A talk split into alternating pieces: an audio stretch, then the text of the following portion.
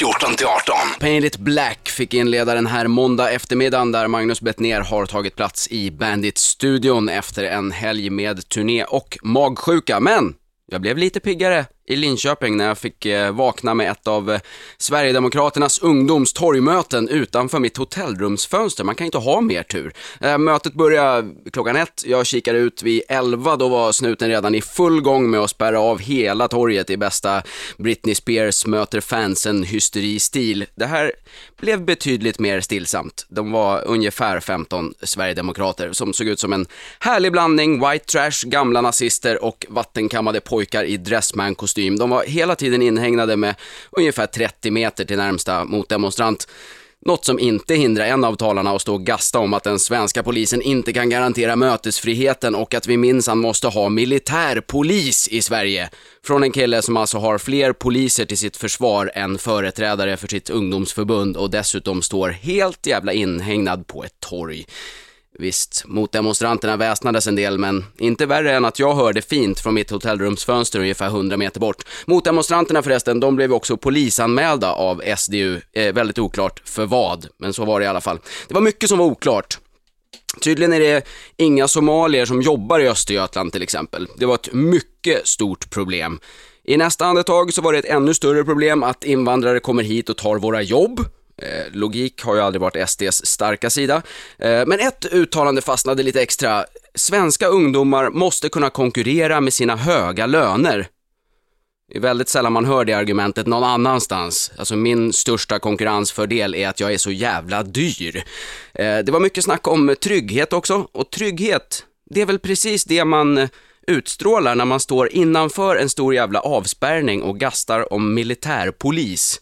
Och undantagstillstånd vill de kunna införa också, i förorterna, för, jag citerar, Sveriges förorter befinner sig i krigstillstånd. Det är ytterligare en grej jag har missat under de dryga 20 år jag har bott i invandrartäta förorter. Jag har inte behövt ducka för kulor en enda gång. Jag har inte blivit sprängd heller, trots att jag dagligen passerar tjogtals av människor i både slöja och niqab. Men Skäggetorp i Linköping kanske är i krig, vad vet jag, jag har inte varit där på säkert 15 år. Eh, då var det inte krig, men sen dess så har ju somalierna invaderat och de jobbar ju inte, så de kanske hinner kriga. Eh, det spelades också flitigt låtar på det här mötet, bland annat en härlig dänga som heter Blåsippans väg. Och hör och häpna, jag ska nu ner och hämta upphovsmannen till Blåsippans väg, Sverigedemokraten Linus Bylund som också jobbar som eh, pressekreterare för Jimmy Åkesson. Han kommer strax, under tiden ska ni få lyssna på The Unguided. Kiss, Lick It Up fick du där på Bandit. Klockan är kvart över två och jag säger välkommen till Linus Bylund från Sverigedemokraterna. Tack så jättemycket, det är jättekul att få vara här i Bandit-studion. Eh, Bandit var ju förut min favoritkanal faktiskt, innan, innan du började. Jaså? Ja, ja, man kan inte glädja alla, så är det. Men du, du är ju också, du är pressekreterare för Jimmy Åkesson, eller Det stämmer. Och upphovsman till den fantastiska låt jag tänkte vi skulle snacka lite om. Mm, vad kul. eh, Som heter eh, Blåsippans väg. Ja. Eh, Det är ju alltså Sverigedemokraternas lilla kampsång. Ja, alltså, som- som det där är ju Sverige. en liten definitionsfråga, för det där är ju vår vallåt från 2006. Ja, kommer en ny vallåt Det har kommit en för 2010. för förra och kommer en ny för... Den är på gång. Är det du som skrivit den Det vet också? ju inte jag. Alltså, jag kan ju inte bestämma att den här låten ska vara som kampanjlåt, utan jag kommer ju skriva en låt och sen så hoppas att den... Finns det många musik, Det blir fler och fler, det blir, börjar bli konkurrens. Sverigedemokrater? Det är så? Ja, vi är ju ändå ja, 6 000 medlemmar och det finns även lika många annan som- sympatisörer minst. Ja, många som har tid att spela gitarr. Många arbetslösa. Det kan det mycket väl hand- handla om. Ja. Du spelar ju vikingarock också. Jag vet inte om jag vill kalla det det. Men, Nej, det stod på hemsidan. Det var ja, därför jag... det är påklistrat eh, genreepitet. Ja, men det vi kan kalla det det. Men det är, lite, det är inte så här Ultima Thule. Jo, men det är Ultima Thule-inspirerat. Och, och, och, bandet heter Korpöga. Korpöga, som bland annat har, har eh, textraden, eh, hörde jag, eh, vargavintern motar vi med mjöd. Jajamän. Dricker du mycket mjöd? Jag dricker mjöd. Framförallt när jag skrev den där så drack jag mycket mjöd. Ja, jag förstår det. 2004, För, för vidare i låten är det också vikingar som vi är. Du, du ser ju inte jättemycket ut som en viking, det kan man Jag inte säga. ganska, ganska viking. Jag ska, Jag- jag ska ta en bild sen på. Linus och lägga upp på min eh, Twitter så att, så att eh, eh, lyssnarna får, får se hur mycket viking han ser ut som. Men ska vi ta och lyssna på Blåsippans väg lite granna? Ja, det kan vi göra. Vi, vi kör den. Där hade vi en liten bit av Blåsippans väg med Linus Bylund som är i studion. Ja. Eh, hur kände du där egentligen? Eh, Känns det bra liksom? När du körde låten? Ja. Ja, det är inte så ofta den spelas på radio. Nej, det förstår jag. måste jag säga. men men jag, jag, jag tänker på, på den här refrängen, jag valde blåsippans väg som nästan ingen gått förut.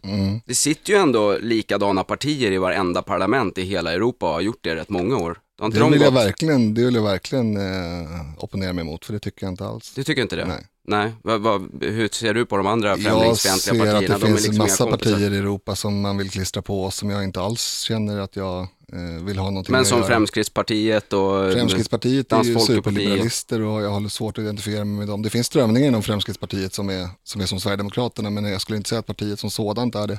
De är mer som ett eh, radikalt folkparti. Men eh, muslimhatet har ni i alla fall gemensamt. Eh, jag hatar inte muslimer och jag tror inte att, jag tycker att Men de är ju ändå det heller. största hotet mot Sverige i modern tid enligt killen du är pressekreterare för. Nej, eh, då har du inte läst den artikeln Jag tyckte- som du tyckte det stod så. sannolikt har läst rubriken på men inte artikeln. Nej, det, jag, jag orkade nog bara läsa rubriken Exakt, kanske. det, Det det kan var. Aftonbladet som satte den rubriken. Det här då, rubriken. eh, jag, jag vek av er väg så bred, jag följer stigens branta led. Jag vek av för jag är inte feg. Exakt. Är det så det känns att vara sverigedemokrat? Liksom? Ja, särskilt kändes det jävlar. det 2005 när den där skrevs. Ehm, att eh, det handlar ju om att, att, och det är samma sak med den här passusen med fegis, att det handlar ju om att människor tycker en massa saker och sen så går de ändå och röstar på partier som tycker tvärtom. och det är någonting som du tänker att med blåsippans väg så kan man eh, få dem att, att rösta på rätt parti. Då känner de liksom att shit, den här eh, blomman som har trådar ner i marken som är tusen år och mer. Ja, nu var det mycket på, det, på en gång där, men vi kan så säga så verkligen. här att eh, bara det att ni spelar den i radio nu var ju mycket värt. Eh, Ja, jag förstår det. Jag tror att det kommer det här med bli ett tus- uppsving för Sverigedemokraterna nu efter att vi har exakt. kört den här på Bandit. Den här med tusen år och mer, det handlar ju om att, att vår partisymbol, blåsippan, kan bli tusen år som individ. Mm. Du har aldrig tänkt på det här att den så är fridlyst? För att den är utrotningshotad? Jo, men jag plockar den aldrig. Nej okej, men det- jag menar att Jag följer bara vägen. ni känner ändå att det var en vettig symbol liksom? Ja, det var ju väldigt passande. Ja, för att ni inte är så många. Exakt, och, och dessutom eh, motarbetade av alla hemska blomplockare. Så om ni liksom eh, får fler eh, procent i nästa val, då får ni skriva en ny låt då? Då får ni bli någon sån här vitsippa eller något Ja. skit som finns överallt. Blir- maskros. Nej, den är ju upptagen Ja, den är Det upptagen. går ju inte. Den är dessutom också passande. Men vitsippan kan ju vara till. Men du, det här, du är ju ingen fegis då. Nej. Ändå, du ringde ju mig idag och så sa du så här, vi ska väl inte prata massa invandrare och statistik och sånt där. Nej, jag frågade om det skulle handla om det. Därför att Ja. om, om det blir en radiodiskussion med, eh, där jag inte har kontroll över hur mycket folk får tala, så vill jag gärna veta innan vad det ska pratas om. Ja, men jag lovade ju dig att vi inte ska göra det. Behöver Jag vi bara inte känner det Vi på kan göra det en pulsen annan gång och ser om, du, om, du inte, om det är en fegis eller inte. Jag tycker vi kan prata invandring, men eh, det ska vi göra mer, med större tid till förfogande. Men vet du vad, då gör vi så att vi tar det. Antingen får du komma igen eller så kanske din eh, chef kan komma och snacka lite invandring och statistik lite senare. Var inte det ja, något? i så fall blir det nog jag. För han är väl ingen fegis? Han Han, går väl fegis. ändå blåsippans väg? Han går blåsippan Han, han, han går på, trots storm och regn och uppförslut, Ja. så tågar han på. Exakt. Jag hoppas att han kommer hit. Du, eh, vi måste faktiskt ta en låt. Stort tack för att du kom hit. Tack så mycket. Nu får lyssnarna Dropkick Murphys. Johnny Cash hörde du på Bandit, där jag precis har varit och vinkat av Linus Bylund som alltså har skrivit den fantastiska låten Blåsippans väg och nu ska vi verkligen ta Blåsippans väg resten av eftermiddagen. Vi ska inte vara några fegisar utan vi ska gå på trots storm och regn och uppförslut, alltså en backe som är så lite brant uppför att den nästan lutar nerför. Det ska vi göra. Eh, flera som har skrivit på livechatten eh, varför det blev så kort diskussion med Linus Bylund och det har sin förklaring. Eh, det är nämligen så att han var tvungen att sticka iväg på annat och det var redan planerat så sedan tidigare. Och sen bjöd jag ju som sagt in honom till en längre diskussion för er som eh, missade det. Eh, och det ligger, bollen ligger hos dem, de får gärna komma. Vilken sverigedemokrat som helst får gärna komma och prata invandrare och statistik. Jag hade lovat honom att inte göra det den här gången så då gjorde jag inte det, för jag är en snäll kille. Nämligen. Eh, men som sagt, eh, han kunde inte vara kvar och eh, det blev också så att eh, han fick önska en låt faktiskt. Så att jag tänkte att jag skulle spela den för er. Det är eh, en, en låt med ACDC, som jag också tycker är rätt skön. Vi tar och spelar den nu, den kommer här. In Flames, I'm the highway på Bandit. Eh, läste igår att Carl Bildt eh, twittrade “Evening with Robert Wells and fabulous Swedish music in New Delhi. No limits to what Sweden and India can do together in years to come.” Ja, nu jävlar. Nu ska vi kombinera billiga callcenters, kastsystem och Robert Wells för att rädda mänskligheten. Vi har inte bara exporterat Bofors-robotar till Indien utan även Robert fucking Wells. Alltså varför fick han inte vara kvar i Så ska det låta? Kunde inte vi svenskar ha offrat oss på det så att indier med sina översvämningar och skit hade sluppit åtminstone honom. Det tycker i alla fall jag. Vi kommer att prata lite Gaddafi också, han har haft det lite körigt i veckan som gick. Eh, och, eh, och eh, diverse andra, massor av nyheter ska vi, ska vi avverka och det kommer också bli eh, en, en gäst alldeles snart. Eh, Johannes Klenell ifrån, eh, nu skrattar Jonas, jag vet inte åt vad, men han, han kanske inte tycker att, att Gaddafi hade en hård vecka. Underdrift att han haft en körig ja, men det är lite körigt att bli, bli hittad i, i ett rör. Ja, det, det, ska vi, det ska vi prata mer om, mannen med de gyllene pistolerna. Eh, Johannes Klenell från eh, Galago, som är en serietidning och ett förlag, eh, dyker upp här om en liten stund. Så har ni frågor till honom, då går ni in på bandit.se och drar iväg dem. Det finns en livechatt där som vanligt och eh, hittar ni inte den så kan ni twittra och hashtagga betner så kommer det upp i flödet. Här kommer en låt med Death Stars. Ebba Grön på Bandit där vi idag tar blåsippans väg och kämpar på trots storm, regn och uppförslut. Kastar oss från extremhögern till extremvänstern kan man nästan säga, tror jag. Jag säger välkommen till, eh, till Johannes Klenell från eh, Galago förlag. Tack så mycket. Hur är läget? Jo, det är bra. Extremvänster kanske var att ta i? Kan man väl få säga. Men du är inte så här superpigg på, på den borgerliga regeringen och sådana? Kan man inte heller påstå. Galago är, är ju en, eh, en serietidning. Ja, det stämmer. Men det är också ett förlag. Det är ett förlag, Som ja. bara jobbar med serier, eller? I princip. Alltså, vi har gjort lite andra saker också, men, men liksom, grunden för förlaget och för tidningen är ju serier, framför allt. Och serier för vuxna då, med inriktning på socialrealism och politisk satir. Inte POX, som fanns när jag var 14?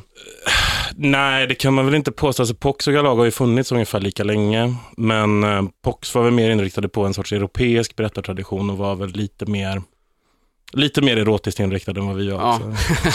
för, för att uttrycka det eh, milt. Yeah. Men, men eh, det, det bloggas ju också under Galago-flaggen. Där ja. blev det ju lite livat eh, för ett tag sedan. Eh, var det du som skrev det här att eh, man borde skjuta Per Gudmundsson? Nej, det var det inte. Det var inte du? Det var Rebecka Ahlberg och det var ju i tidningen faktiskt det började. Jaså, okej. Okay. Jag ja. trodde det var på själva bloggen. Nej, nej, nej, utan eh, på bloggen låg bara texten ute efter att själva boomen hade kommit så att säga. För det blev ju i vanlig ordning ett jävla liv om det. Ja. Han polisanmälde väl er till och med?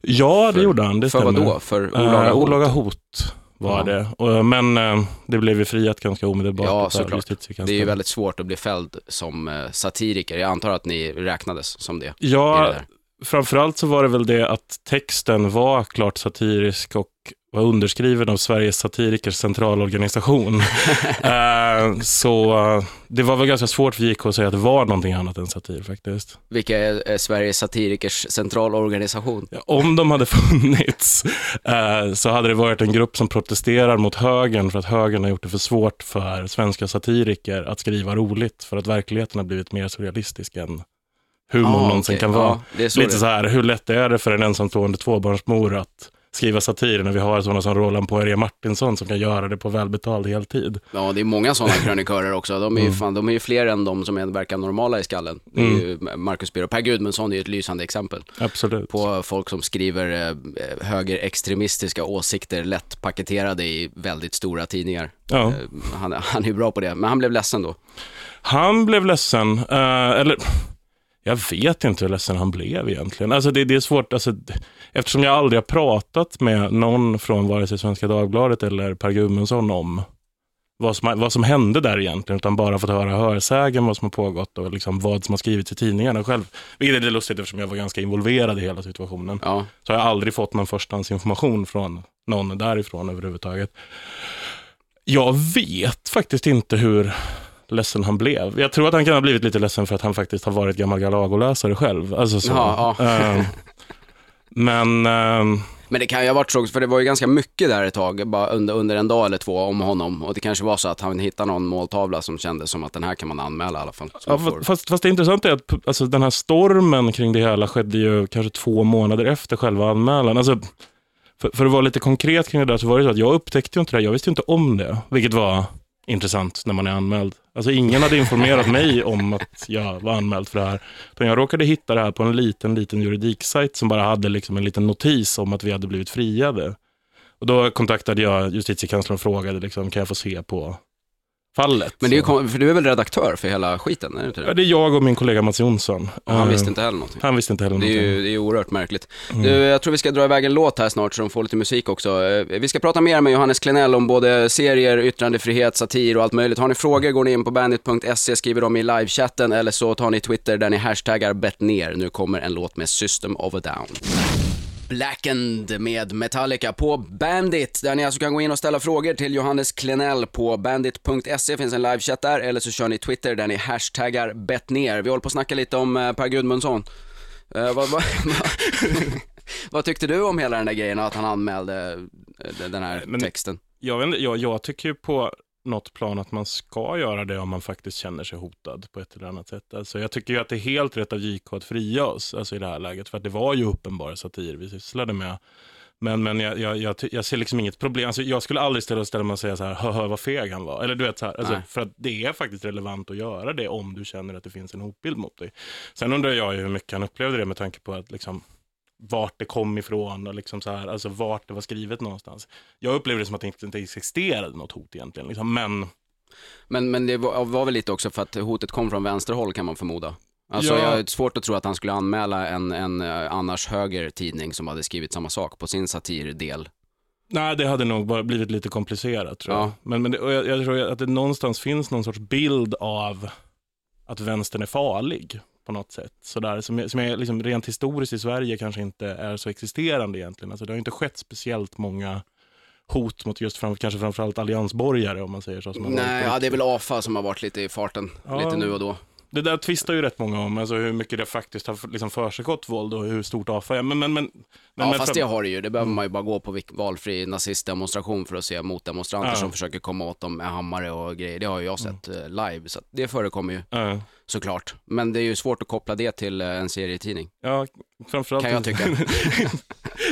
en ganska snäll serietidning så sett. Nej, men alltså, och det, det, där är ju liksom intressant för att det, det, det var ju egentligen det som var vårt, liksom det jag var mest konfunderad över i hela den här grejen. För att Martin Aldin på ETC tog kontakt med Svenska Dagbladet i den här vevan och skulle liksom fråga vad som var anledningen till liksom polisanmälan. Och fick då svaret från deras pressansvarige, som jag antar är en av de mer välbetalda inom de positionerna i landet överhuvudtaget och ska vara ganska kunnig, att hotet kom från en miljö där man inte är främmande för våld. Det vet man hur serietecknare och deras utgivare är. Jo, vi, vi är ju skvattgalna. Eh, och jag menar, för, för mig är det lite så här att där hade han egentligen annars kunnat döda hela den här debatten genom att bara säga vi på Svenska Dagbladet har som policy att vi alltid polisanmäler minsta antydan till hot mot våra journalister. För att det hade varit ganska begripligt att man Ja. har en sån policy. Att står det någonting som ens antyder någonting som skulle kunna vara i närheten av en hotbild så anmäler man helt enkelt Ja. för att se till att skydda sina journalister. Men det var inte svaret som kom, utan det var liksom det här märkliga efterspelet av liksom en miljö där man inte är främmande för. Ursäkta, jag börjar garva så fort jag tänker på det. Ja, det är, ju- det är väldigt märkligt. Men jag, kan, jag, jag håller inte riktigt med heller om att jag tycker att det är rätt att polisanmäla när det så uppenbart kommer ifrån en, en utgivare av satir. Alltså jag, menar, jag har ju också fått en del så här när man liksom säger man ska skjuta den och den. Det är ju bara ett sätt man uttrycker sig på som är lite mer slagkraftigt än att säga en gång till att Per Gudmundsson är dum i huvudet. Liksom. Men framförallt så är det, alltså jag har ju alltid sett den sortens alltså, grov, hårdare humor som någonting som snarare lugnar ner en. Att man garvar åt någon man blir jävligt förbannad åt istället, på, istället för att liksom faktiskt bli förbannad på riktigt. Alltså så här, att det, Ja. att det är det satiren är till för. Den är en ventil för oss någonstans. Ja, jag inbillar mig att de flesta som jobbar med satir, oavsett om det är ståuppare eller serietecknare eller vad det nu än är, använder det just som lite terapi för sin egen del. Liksom. Man vill få ur sig en massa skit. Ja. Det, det är i alla fall så jag jobbar. Ja, men när jag har snackat med liksom Sara Garnér och med liksom de vi jobbar med inom liksom vänstersatiren på det sättet så pratar man ju ofta om det, att det är liksom en sorts pepp gemensamt, på att man kan bli arg tillsammans på någonting. Att jag fick ju väldigt mycket kritik från liksom högerröster kring hela den här situationen med Galago. då att vadå, bra, bra satir ska kunna slå åt alla håll. Men jag, jag menar, jag är inte riktigt med på det, för att jag tillhör ju inte riktigt det. Jag jobbar ju med politik också på något sätt. Det är en Ja. opinionsbildande fråga. Ja, man måste ju säga saker man faktiskt tycker, men jag kan Ja. i och för sig tycka att, jag, att det är jävligt barnsligt läge i debatten från båda håll. Just det här att om någonting kommer ifrån fel sida, då är det Mm. automatiskt alltid bara asdåligt och, och det här ska vi kämpa mot liksom. Och högern är och vänstern är likadana där. Det kan bli, alltså jag tycker att ibland kan man känna bara att, äh, jag orkar inte ta det här på allvar för att det är bara, de är så jävla barnsliga liksom, Ja. båda sidor där. att, att en vänster, man vet vad någon som är stämplad som vänster kommer tycka i varenda fråga och man vet vad någon som är stämplad som höger kommer tycka i varenda fråga. Det blir Ja. så jävla ointressant. Det skulle vara kul någon gång att någon slår åt ett oväntat håll. Eh, att, att någon eh, i er tidning helt plötsligt eh, försvarar fas 3, inte vet jag. Men du vet, det, no, göra någonting som inte är det förväntade. För det tycker jag också ligger lite i satirens i, i jobbet och vara satiriker så eh, måste man ju också kosta på sig att vara lite oväntad ibland tycker jag. Jag tycker att man alltid ska slå uppåt. Det, det är jag väl ganska bestämd på själv. Så, men, men, men samtidigt är det också så här, det här med den politiska satiren var ju faktiskt lite mer ny- nyanserad på sossarnas tid på det sättet. Jag menar, man kommer ihåg Persson-tiden då liksom man verkligen kunde avsky sossarna på ett helt annat sätt. Liksom. Ja. För, för oss som jobbar med, liksom från vänstern som jobbar med satir idag, har ju det blivit mycket mer komplicerat. Liksom. Alltså att, att titta på sossarna och skoja om liksom, maktpartiet på något sätt. Ja, nej det var ju länge sedan. De, Eh. de, de, de var i den positionen. Och det tror jag och till och med väl ta ett tag också vad det ser ut. Det, det, ja, men det är väl ett problem i svensk politik att det är sossarna, att det går så jävla dåligt. Jag håller väldigt sällan med dem, men de behövs ju verkligen Mm. eh, som en stark opposition. Just nu har vi ju ingen opposition alls som det känns. Nej. Det är ju bara liksom, "Ja, hur ska vi göra nu? Eh, Ska vi byta partiledare igen eller? Nej, nej det kan vi inte göra, det går inte. Eh, Han slank undan, skönt. Nej, men nu är det också väldigt roligt med sossarna på så sätt tycker jag. Att det liksom, alltså, nej, men, jag, jag måste ju ändå tycka det. det, är liksom, det de är ju skitkul just nu. Det händer ju liksom spännande saker hela tiden. Det Ja. roliga är att de och Alliansen är precis lika roliga och håller på och halkar fram och tillbaka och uttalar sig på liksom skumma sätt och sådär. Alltså, Men det har väl också att göra med att det är ett tag kvar till valet. Det brukar ju vara Ja. så, den här mellanperioden så är det lite hike on bike on och sen Mm. fokuserar de liksom sista månaderna. ja, Så att det, det blir nog lite eh, bättre tag senare. ja, Juholtans-avslöjandena kom ju väldigt lägligt så sett. Alltså, tre Ja. år kvar. Ja, men det att jag tror att det kommer mer. Det finns mer där. Vi ska prata mer om både det och annat med Johannes Klenell. Har ni frågor som sagt, in på bandit.se eller Twitter där ni hashtaggar ner. Här kommer Queens of the Stone Age. Där, eh, jag, jag blev lite eh, konfys därför att eh, Linus Bylunds telefoner ligger kvar i studion. Jag vet inte fan om vi ska göra någonting kul med det. Vad säger du Johannes? Jag tycker jag. Ska Absolut. vi, ska, vi, ska vi ta och face-rapa som man säger? Nej, det ska vi inte göra. Vi ska vara snälla. Men Linus, om du lyssnar så ligger alltså dina mobiltelefoner kvar här. Det måste ju vara en klar säkerhetsrisk. När, när, eh, när, när ens eh, pressekreterare glömmer sina två mobiltelefoner i studion hos, hos en fiende som mig. Och Johannes, Ja. du är inte heller så här jätteglatt inställd till Sverigedemokraterna kanske? Ingen större anhängare, nej. Nej. Men till Blåsippans väg, absolut. Ja, det är ju en hit. Du, du, men du känner, man känner så att man, kan- man kan ta blåsippans väg när det liksom är, går en emot. Då är man Ja. ändå ingen fegis man kämpar på. Jag tycker Vi är på gång nu var en riktig hit också faktiskt. Senaste låten. Där man, Ja, den har jag faktiskt inte lyssnat på. Jag fastnade på blåsippans väg. Jag kom inte ur den på hela dagen igår. Jag satt och lyssnade på Dance-remixen. Mm. Ja, Jag, lys- jag läste igenom kommentarerna kring när låtarna släpptes faktiskt, alltså när Blåsippans väg släpptes. Jag gillade verkligen skarpt kommentaren, låter lite som Uffe. Jättelite som Uffe, skulle man säga att det. Men, men eh, du har ju gått igenom hela den här Vikingarocks-grejen han kör också. Är det Ja, liksom ja. en, ett hobbyprojekt eh, vid sidan av, eller är det någonting som du har använt i, i jobbet? Nej, jag, jag är väl lite av ett fan. Ett fan en- av korpöga. en liten konnässör när det kommer till korphuggar. Nej, men jag, jag gillar ändå det här med liksom korta, enkla låttitlar. Gille, gäst, sådär liksom. Det är alltså lite vikingatema, lite mjöd. Det är Ja, fest. Nej, Mycket det- mjöd var det tydligen. Mycket mjöd. Och genom hela vargavintern var det. Ja, den är ju, den är ju hård. Ja. Det verkar ju inte bli någon vargavinter i år vad de säger, så vi får se hur mycket mjöd det blir för Linus Bylund. Mm. Och väldigt få sms och telefonsamtal eftersom hans båda telefoner tydligen ligger kvar här i studion. Får se om vi ska hitta på något kul med dem. Vi kanske skulle ha en tävling, lotta ut Linus Bylunds telefoner. Ring in om ni vill ha tag på, fan här kan man nog hitta roliga telefonnummer alltså i de här. Vi ska gå igenom dem sen tror jag, jag och Johannes. Men eh, det här med, vi snackade ju lite om, om hot och, och anmälan av hot och sådär i form av satir. Lite kan man ju känna att, eh, eller jag kan känna i alla fall, att, att yttrandefriheten är lite under hot hela tiden. Hur känner du som är, jobbar med att ge ut serier som jag förmodar också tänjer på gränserna ibland? Ja, alltså jag, jag, vet jag, jag tycker att det alltid finns ett problem i, alltså såklart någonstans håller jag med dig om att det alltid finns ett problem i det här om man ska börja polisanmäla till höger och vänster hela tiden. Alltså, men jag vill ju ändå vara lite förstående gentemot varför man gör det, för annars skulle det vara för mig helt obegripligt varför den här polisanmälan skedde till exempel. Ja, Eh, så jag försöker ändå sätta mig in i någon sorts, där man blir rädd för serietecknarna. Alltså, ja, Sådär.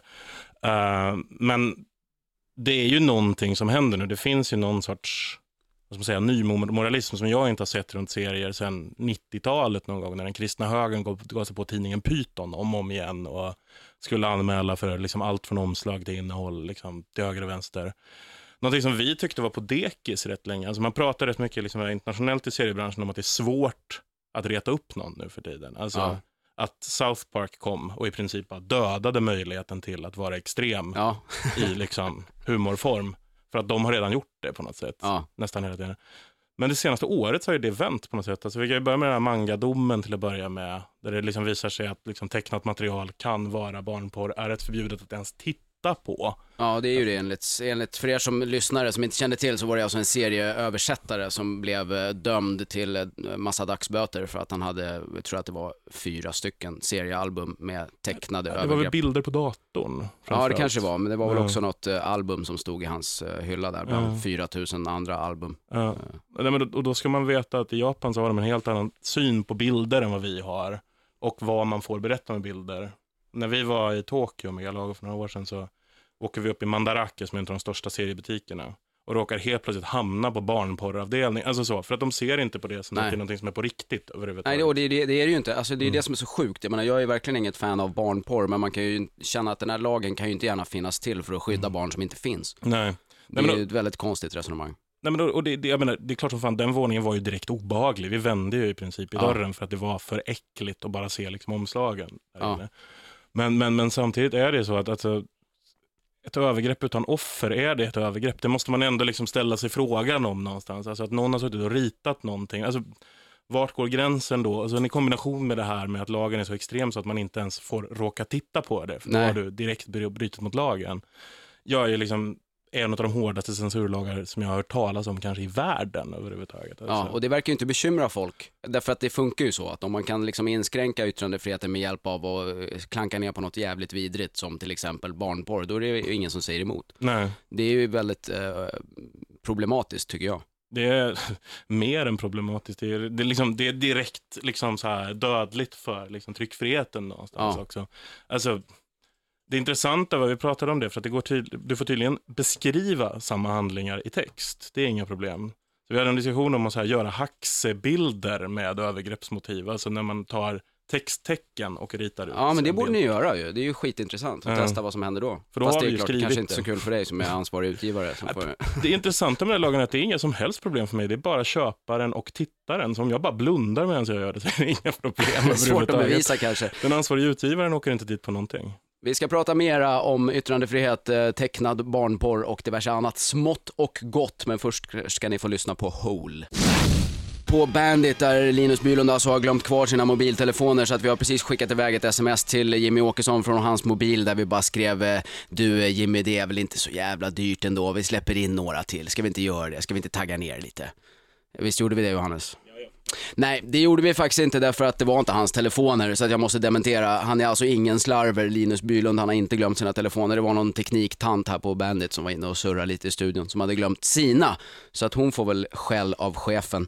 Vi sitter ju och snackar här med, eh, vi, vi pratar lite eh, barnporr och grejer och eh, då får jag den här på Twitter från Mr C24. Kanske inte så smart av Magnus Bettner att säga smått och gott i Bandit när man pratar om barnporr jag vet inte hur folk funkar alltså. De är ju små, eller hur? De är ju små barnen. Det är ju smått och gott. Tänk vad gott med barnporr. Jävla dårar. Alltså varför kan inte folk tänka bara? Det är, ligger väl inte för dem riktigt. Nej, tydligen inte. Jag menar, vad fan, jag pratar väl inte om att vi ska prata om smått och god barnporr. Vi ska prata om barnporr och annat smått och gott. Det var det vi, det, var det vi skulle göra, eh, Mr C24. Men det här med, med, med yttrandefriheten, var vi, vi snackade ju om det och just att det är så, jag tycker det är skitjobbigt det där att enda gången som yttrandefriheten verkligen utmanas, då är det ju från folk som är dumma i huvudet. Nu för tiden. Det är ju liksom Lars Vilks och och nazister och, och, och barnporr. Alltså det är den...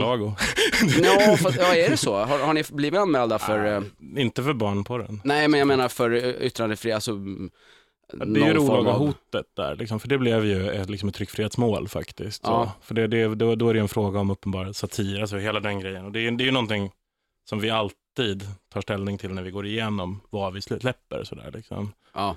Men, men... ja, Men men det jag- är ju en annan, för man kan ju bli fälld för olaga hot även som utgivare av satir i olika former och sådär, eh, rent Eh, Teoretiskt i alla fall, så kan man ju det. Ja, Eh, Och det tycker jag inte är ett problem egentligen. Absolut inte. Men, men jag menar mer andra grejer som verkligen har varit, nu har vi ju inga hädelselagar i Sverige än, men det kommer väl förmodligen som utvecklingen ser ut. Och då, då kommer man ju hamna i det, den sitsen, att man kommer att bli anmäld för ja, hädelse och, och, och kränkningar och allt vad det är liksom. Eh, Men som det ser ut nu så är det väl egentligen bara hets mot folkgrupp som man kan bli anmäld för. ja Som är någon form av kränk, kränkning av eh, jag tror det. Alltså, jag, så insatt är jag liksom inte i själva tryckfriheten på det sättet. Men, men det, det, det tror jag nog är det enda sättet. Alltså, Ja. Annars skulle väl liksom rätt många av de här galningarna vara fällda till höger och vänster. Alltså, Ja. det, det skulle bli rena rama skyttegravskriget på något sätt med polisanmälningar. Det skulle till en rätt rejäl stämpel hos polisen med avslag på som de får sitta med i det läget. Ja. Liksom. Men eh, ja, hets mot folkgrupp blir man ju fälld för lite då och då Mm. i alla fall. Eh, och det, det ty- ja, jag tycker tvärtom att det är rätt olycklig lagstiftning. Eh, för att den, den inskränker också yttrandefriheten rätt rejält, som jag ser det.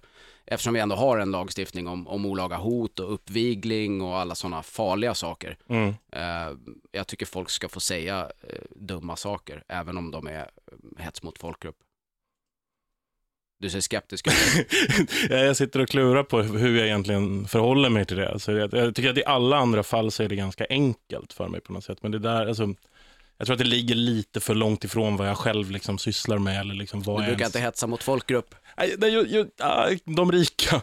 nej, men jag vet inte. Alltså, det, det är ju jävligt svårt för mig att ens tänka mig hur, hur jag skulle vandra in på det liksom, området på något sätt. Alltså, det, det, Ja, vänstern har ju ändå en tradition, jag säger inte att du har det, men det brukar ju vara rätt mycket sådär äh, antisemitism i, i äh, lång, långt åt vänster. Eh, bland annat har ju Aftonbladet varit ute och härjat lite på kultursidan med den här, vad heter han som skrev att jud, judiska läkare skördar organ på, i Gazaremsan och Västbanken och säljer dem i New York och sånt där. men men, men du, du sätter alltså ihop antisemitism och Hets Israel mot folkgrupp. Omedelbart? Nej, nej, nej, absolut en- inte. Men den artikeln var ju helt klart ett fabrikat av någon snurrig kille som sen fick eh, liksom ta tillbaka det, med, eller Åsa Linderborg var det väl, som gick ut och sa att det här var kanske inte så bra. Jo, det där finns ju absolut. Det, det, det finns ju någon sorts konspirationstanke. Jag menar det, vi har haft en och annan foliehatt besök på Ordfront, där jag jobbar, Ja. som ska berätta om Bonniers och den stora konspirationen. Alltså det, ja, men jag menar en sån grej, om man, skrev, om man gjorde en serie om, om en sån grej, då skulle ju den kunna bli, rent teoretiskt i alla fall, anmäld för hets mot folkgrupp. Och jag tycker att det är olyckligt, fast jag inte är antisemit. Ja. Jag tycker att man borde få göra en sån serie om man vill. Eh, eller en serie om vad fan som helst. Det är en serie. ja, problemet där också är att det blir ju kläggigt såklart. Alltså, I och med att det oftast är så att Israelkritik och antisem- antisemitism blandas ihop i vissa, liksom, utav dem som det är riktat mot hjärnor också. Alltså, Ja. så att, jo, men jag, jag kan hålla med om att det är problematiskt. Vad bra. Absolut. Då är vi överens om det. Ska, vi, ska, vi ska prata mer med Johannes Klenell om eh, barnporr och annat smått och gott. Först ska ni få en låt. System of a Down, Sad Statue på Bandit. Jag har fått ett par eh, tweets här ifrån C. Westling. Likställer du på allvar Vilks med nazister? Eh, nej, det gjorde jag ju inte. Jag sa att nazister och Lars Vilks är dumma i huvudet. Det var det jag sa. Han skriver också, kommer hädelselagar så är det av islamister. Blir du nöjd då? Hashtag SvPool. vilket, vilket förmodligen vilket förmodligen innebär att eh, C. Westling är en av PIs numera avpixlats eh, lilla fotsoldater. Ja, de slänger Eh, på SV-pool nu för tiden. Ja. Ja, de tog ju, försökte ju ta över den där hashtaggen och lyckades väl i alla fall bli av med mig, för jag orkar inte läsa skiten Den är längre. skitbra nu. Jag brukar märka den om jag vill liksom så fiska efter liksom lite konflikter ibland. Så Ja, det, ja, men det, de jag har så mycket konflikter alldeles gratis så jag behöver inte fiska. Liksom. Men jag kan väl bara nämna det för C. Westling att det enda land i Europa som jag vet har infört hädelselagar det är Irland och jag tror att de har extremt få eh, islamister i sitt parlament i Irland. Jag kan vara fel underrättad, så att har du någon statistik på det, C. Westling, hur många islamister som sitter i Irlands parlament, så skicka den till mig, så ska jag dementera. Men jag gissar att det inte är dem, utan snarare katolikerna. Vi- Typisk PK-maffia. Ja, visst är det. Jag jobbar ju för Sjuklövern eh, när jag säger sådana här saker. och det gör ju även du. Ja, ja, absolut. Eh, det, det är så man gör när man, när man inte jobbar för SD, då jobbar man för Sjuklövern. Och eh, Galago är väl förmodligen en av eh, Sjuklöverns absolut största eh, fanbärare skulle jag tro. Ja, ja, nej, vi är så politiskt korrekta så vi nästan svimmar. Det finns ingenting vi hellre vill än att tysta den stora opinionen. Nej. De här stackarna som går blåsippans väg Precis. och bara böjer ner huvudet trots storm och regn och uppförslut. Kämpar de på. Och så har de dessutom både mig och Galago emot sig och hela sjuklövern. Ja. Du, om man vill läsa Galago, hur gör man då? Då går man in på www.galago.se och tecknar en liten prenumeration helt enkelt. Eller så hittar man det väl i Pressbyrån. Pressbyrån. Eller på bibliotek, det är skitbra. Låna den, jättegärna. Ja, kanon. Du, jättestort tack för att du kom hit. Tack för att jag fick vara här. Nu ska lyssnarna få en låt. Det är Clutch på gång. Här kommer den. Sprillans ny från Disturbed. Låten heter Hell och är från en ny skiva som jag inte vet vad den heter faktiskt. Eh, för er som har missat första halvan av programmet kan man alltså lyssna i kapp på bandit.se eller via podcast som kommer senare. Vi har haft eh, två gäster här idag. Först eh, hade vi ju Linus Bylund och sen Johannes Klenell. Så det finns mycket att lyssna i kapp idag. Linus Bylund var ju här för att prata om Blåsippans väg, som alltså Sverigedemokraterna tar för att de är inte fegisar. De kämpar på trots storm och regn och uppförslut. Någon som verkligen valde blåsippans väg trots ett jävla uppförslut, det var ju den här kommunpolitiken i Malmö som alltså valde blåsippans väg trots att hon själv är andra generationens invandrare. Eh, att man känner till henne, det beror ju på att eh, ordföranden i hennes bostadsrättsförening har kallat henne jävla utlänning och nu har han dömts eh, till att be om ursäkt och betala 90 000 i skadestånd till både henne och hennes dotter. Det är väl ändå lite ironiskt på något vis. Att en sverigedemokrat blir utsatt för någon som beter sig som en sverigedemokrat och sen ber om skadestånd. De har det fan inte lätt de här blåsipporna med sina rötter som är tusen år eller mer. Vi ska prata Gaddafi tänkte jag alldeles strax. Först ska ni få lite musik. Vi börjar med Rage Against the Machine. Raised Fist, Killing It på Bandit. Gaddafi ja, de hittar ju honom till slut i ett rör. Man skulle ju lite kunna tänka sig att diktatorerna borde lära av varann. Det är ju fan ännu värre än att bli gripen i en liten grop bakom ett ruckel som Saddam blev. Särskilt på något vis när man har sagt att ens motståndare ska dö som råttor. Jag vet inte hur det blev med det. Men han måste ju verkligen levt i sin e- egen bubbla. De måste ju vara så, alla de här knäppskallarna. När de plockar upp honom eh, ur det här röret så säger betong, eh, så säger alltså överste klänning vad gör ni? Det här är förbjudet.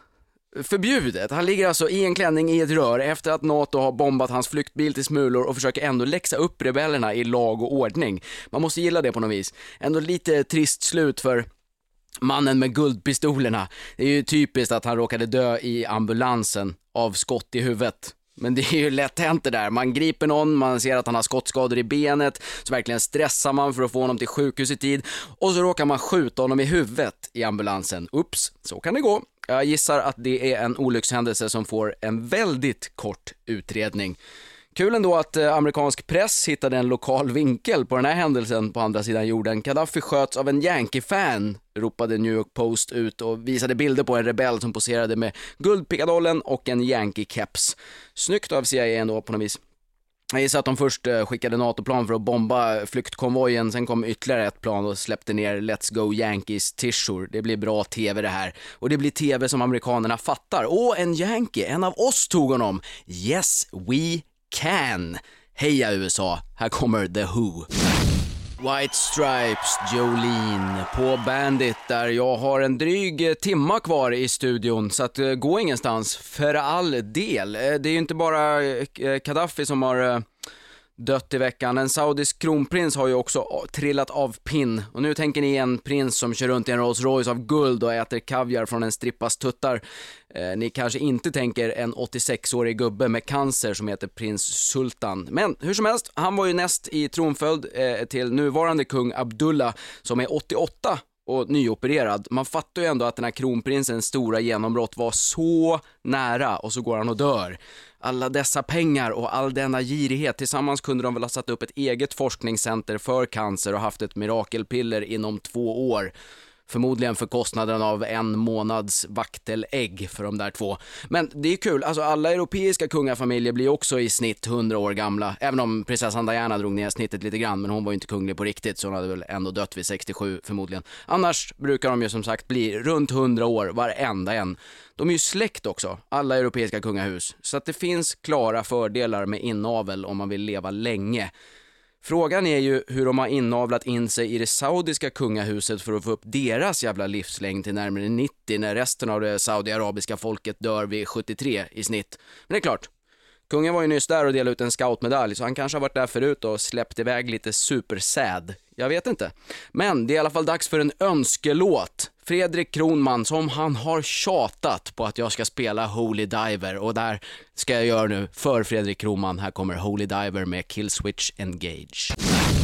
Korn på Bandit. Nu spurtar jag in på sista timman. Ni som har missat de första tre kan ju alltså lyssna i kapp som vanligt på bandit.se eller via podcast som kommer upp ikväll eller möjligen i morgon bitti. Där kan ni bland annat höra den fantastiska kampsången från SD, Blåsippans väg. Eh, arabiska våren eh, har ju också fått den effekten att Tunisien ska hålla sitt första fria val. Jag vet inte om det är idag eller imorgon, sådär. men det är i alla fall det är ju helt otroligt oavsett vilken dag det är. Eh, Eh, lika otroligt eh, är det ju kanske inte att alla går och röstar på islamisterna. Det är inte, jag, jag fattar inte hur man tänker. Vi ställer oss på torget, riskerar liv och lem för att få bort galna diktaturer och sen köar vi till vallokalen för att rösta på islamisterna. Det är lite som om eh, berlinarna skulle ha rest sig mot Hitler, kastat honom i fängelsehålan och sen röstat på Göring. Vad var poängen med hela den här våren liksom? Nej, vi vill ha åsiktsförtryck, begränsad yttrandefrihet och allt det där. Vi vill bara välja det själva först. Varför inte spetsa till det lite? Här får man chansen för första gången att rösta på något nytt. Välj en holländare, fri sprit, bordeller på gatan, mysiga coffeeshops, lite kontraster liksom. Jag bokstavligen prova om gräset är grönare på andra sidan. Eller varför inte göra Tunisien till ett arabiskt Las Vegas? Spel och hor. Det tycker jag man ska satsa på. Spel och hor. Det kommer i alla fall generera många turismdollars framöver och det tror jag kanske att de behöver. Att bero på hor förresten, så har ju tydligen polisen kommit på nu att eh, thaimassageställen kan vara bordeller. Så de har ju gjort lite razzior. Det är tydligen någon riksdagstjänsteman eh, eh som har åkt dit där, eh, skatterazzia i och för sig, han har inte åkt dit för själva horet, men jag förstår inte hur det kan ha dröjt till nu. Svenska polisen kunde ju bara ha läst min blogg från typ för två år sedan när jag var på thaimassage för första och sista gången. Eh, avböjde i och för sig vänligt men bestämt den happiga endingen som man blev erbjuden för ytterligare 300 spänn. Men eh, nacken blev inte bättre heller, så jag vet inte exakt eh, varför man skulle gå dit om man inte var intresserad av just den happiga endingen. Men jag hade ingen aning, halkade in. Aspudden för er som är intresserade. Nu eh, kommer en låt med Rammstein. Queen, another one bites the dust. Det är inte bara Gaddafi och eh, saudiarabiska kronprinsar som har dött utan även australiensiska dykare, ytterligare en. Tredje i år och nu har myndigheterna förklarat krig mot djurlivet. De verkar ju ha ett kluvet förhållande till sin natur, australiensarna. Pågår en ständig misstro mot allt som finns i vattnet efter att en stingrocka satte en tagg rakt genom Steve Irwin. Då gick man man ur huse med påkar för att klubba rockor, börja flyta upp döda stingrockor lite här och där längs stränderna. Och efter den tredje hajattacken på sju veckor har nu myndigheterna fått nog. Hajen ska dödas. Det är alltså ett myndighetsbeslut på att hajen ska möta rättvisans harpun. Jag tycker det är rätt inställning. Man ska fan inte komma undan med mord bara för att man är haj. Kosta vad det kosta vill. Om man så måste skicka ner varenda australiensare i havet ska hajen fast. Dessutom kan man ju fortsätta att klubba stingrockor så att de också vet sin plats. Träna upp en hel armé av nya Steve Irving som kan åka runt och jävlas och fucka med naturen och peta på olika djur med pinnar. Det tycker jag verkligen man ska göra. Alltså om man inte vill satsa pengarna på något vettigt. Mer nyheter om en stund, men först Iron Maiden. Surge Tankian, eh, frontmannen från System of a Down med sin egen lilla sololåt. Eh, Moderaterna hade ju eh, firmafest i helgen, samlades i Örebro. Dels för att ägna sig åt lite historierevisionism när de kom fram till att Moderaterna var minsann förkämpar i kampen mot apartheid. Det var Moderaterna i princip själva som avskaffade apartheid. Jag vet inte exakt vilka moderater, men i alla fall inga av dem som satt i riksdagen under tiden som apartheid fanns. De har också pratat om hur framtidens eh, Sverige ska se ut om Moderaterna får bestämma och deras framtid går ju inte direkt Eh, så, här, så att man känner att eh, man är ett barn som längtar efter julafton. Speciellt inte efter att Reinfeldt har varnat för att ha visioner. Han sa så. Det finns de som vill ha visioner, jag vill varna för det eh, okej, jag fattar, alla visioner är inte så bra. Harold Campings visioner om jordens undergång till exempel har ju varit rätt värdelösa. Eh, helt sämst faktiskt. Jorden skulle ju ha gått under igen nu i fredags, men inte den här gången heller, nej. Men lite måste det väl ändå bero på vad visionen är. En vision om fler i arbete kanske kan vara bra, eller en löst eurokris. Eh, någon liten vision borde väl Reinfeldt och Borg kunna skaka fram, tycker jag. Jag menar, hur kul är alternativet? Inga visioner. Nähä, nu är vi klara. Nu ska vi ägna resten av tiden eh, åt att tweaka Sverige lite i de yttersta marginalerna. Någon procent hit och dit. Spännande, verkligen. Eh, får hoppas på partier som EAP då. Där snackar vi några som vågar sikta framåt. Återinför guldmyntfoten, bygg snabbtåg genom hela Mellanöstern och kolonisera rymden. Fatta det arbetsmarknadsprojektet, kolonisera rymden, kräver pengar, kunskap och manskap. A-kassan måste ju ändra reglerna såklart. Men ligger jobbet inom ett ljusår så måste du ta det. Men man hoppas ju lite ändå på ett uppsving för foliehattarna. EAP kan väl ta SDs meningslösa mandat. Känns ju som att EAP i alla fall går blåsippans väg ordentligt. Eller om det är brunsippans. Lite osäker där. Men här kommer i alla fall en ny låt med Steel Panther. Iggy Pop, som ju gör reklam för försäkringar i Storbritannien. Det är ju precis den killen man tänker när man tänker att nu ska jag teckna en försäkring. En sån där som Iggy Pop har. Han är ju en, säkerhetskille, extra säkerhetsbälte, cykelhjälm, hela prylen. Jag vet inte hur de tänker, reklammakare, det kommer jag aldrig förstå. Eh, sen, jo, eh, vi, måste snacka lite mer Steve Jobs också. Världen har ju haft eh, omfattande sorg såklart efter att han eh, gick bort. Hyllningarna har ramlat in i tusental. Folk har lagt blommor, iPhones och ljus utanför Apple Stores över hela världen och han var ju ett geni, Steve. Det är ju helt klart. Förändrade världen och allt det där. Men man kan ju inte vara på topp alla dagar i veckan. Som till exempel den här dagen när han fick reda på att han hade cancer och bestämmer sig för att bota det med lite alternativmedicin. Nej men vad fan, jag verkar ha fått en släng av cancer. Nu är det nog dags att inte slarva med örtteet. Inte så genialiskt kan man tycka. Lite jobbig plump att ha i protokollet också. Världsgeniet som försöker bota cancer med örtte och meditation. Inte bra. Inte bra går det ju för Grekland eh, heller. Krisen är total. Och vad gör de? Istället för att börja tillverka getost, osso och tzatziki för att både exportera och locka turister, så nej, då ska de strejka istället. Bra! Känns inte den här grejen lite gjord? Har inte Grekland haft strejk typ hela tiden sen det kom fram att deras räkenskaper var sämre än Carnegies? Och nu träffas Europas ledare för att se om de kanske kan efterskänka Greklands skulder.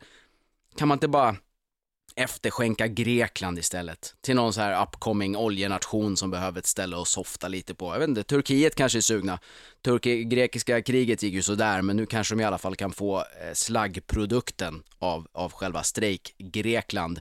Ni ska få Graveyard.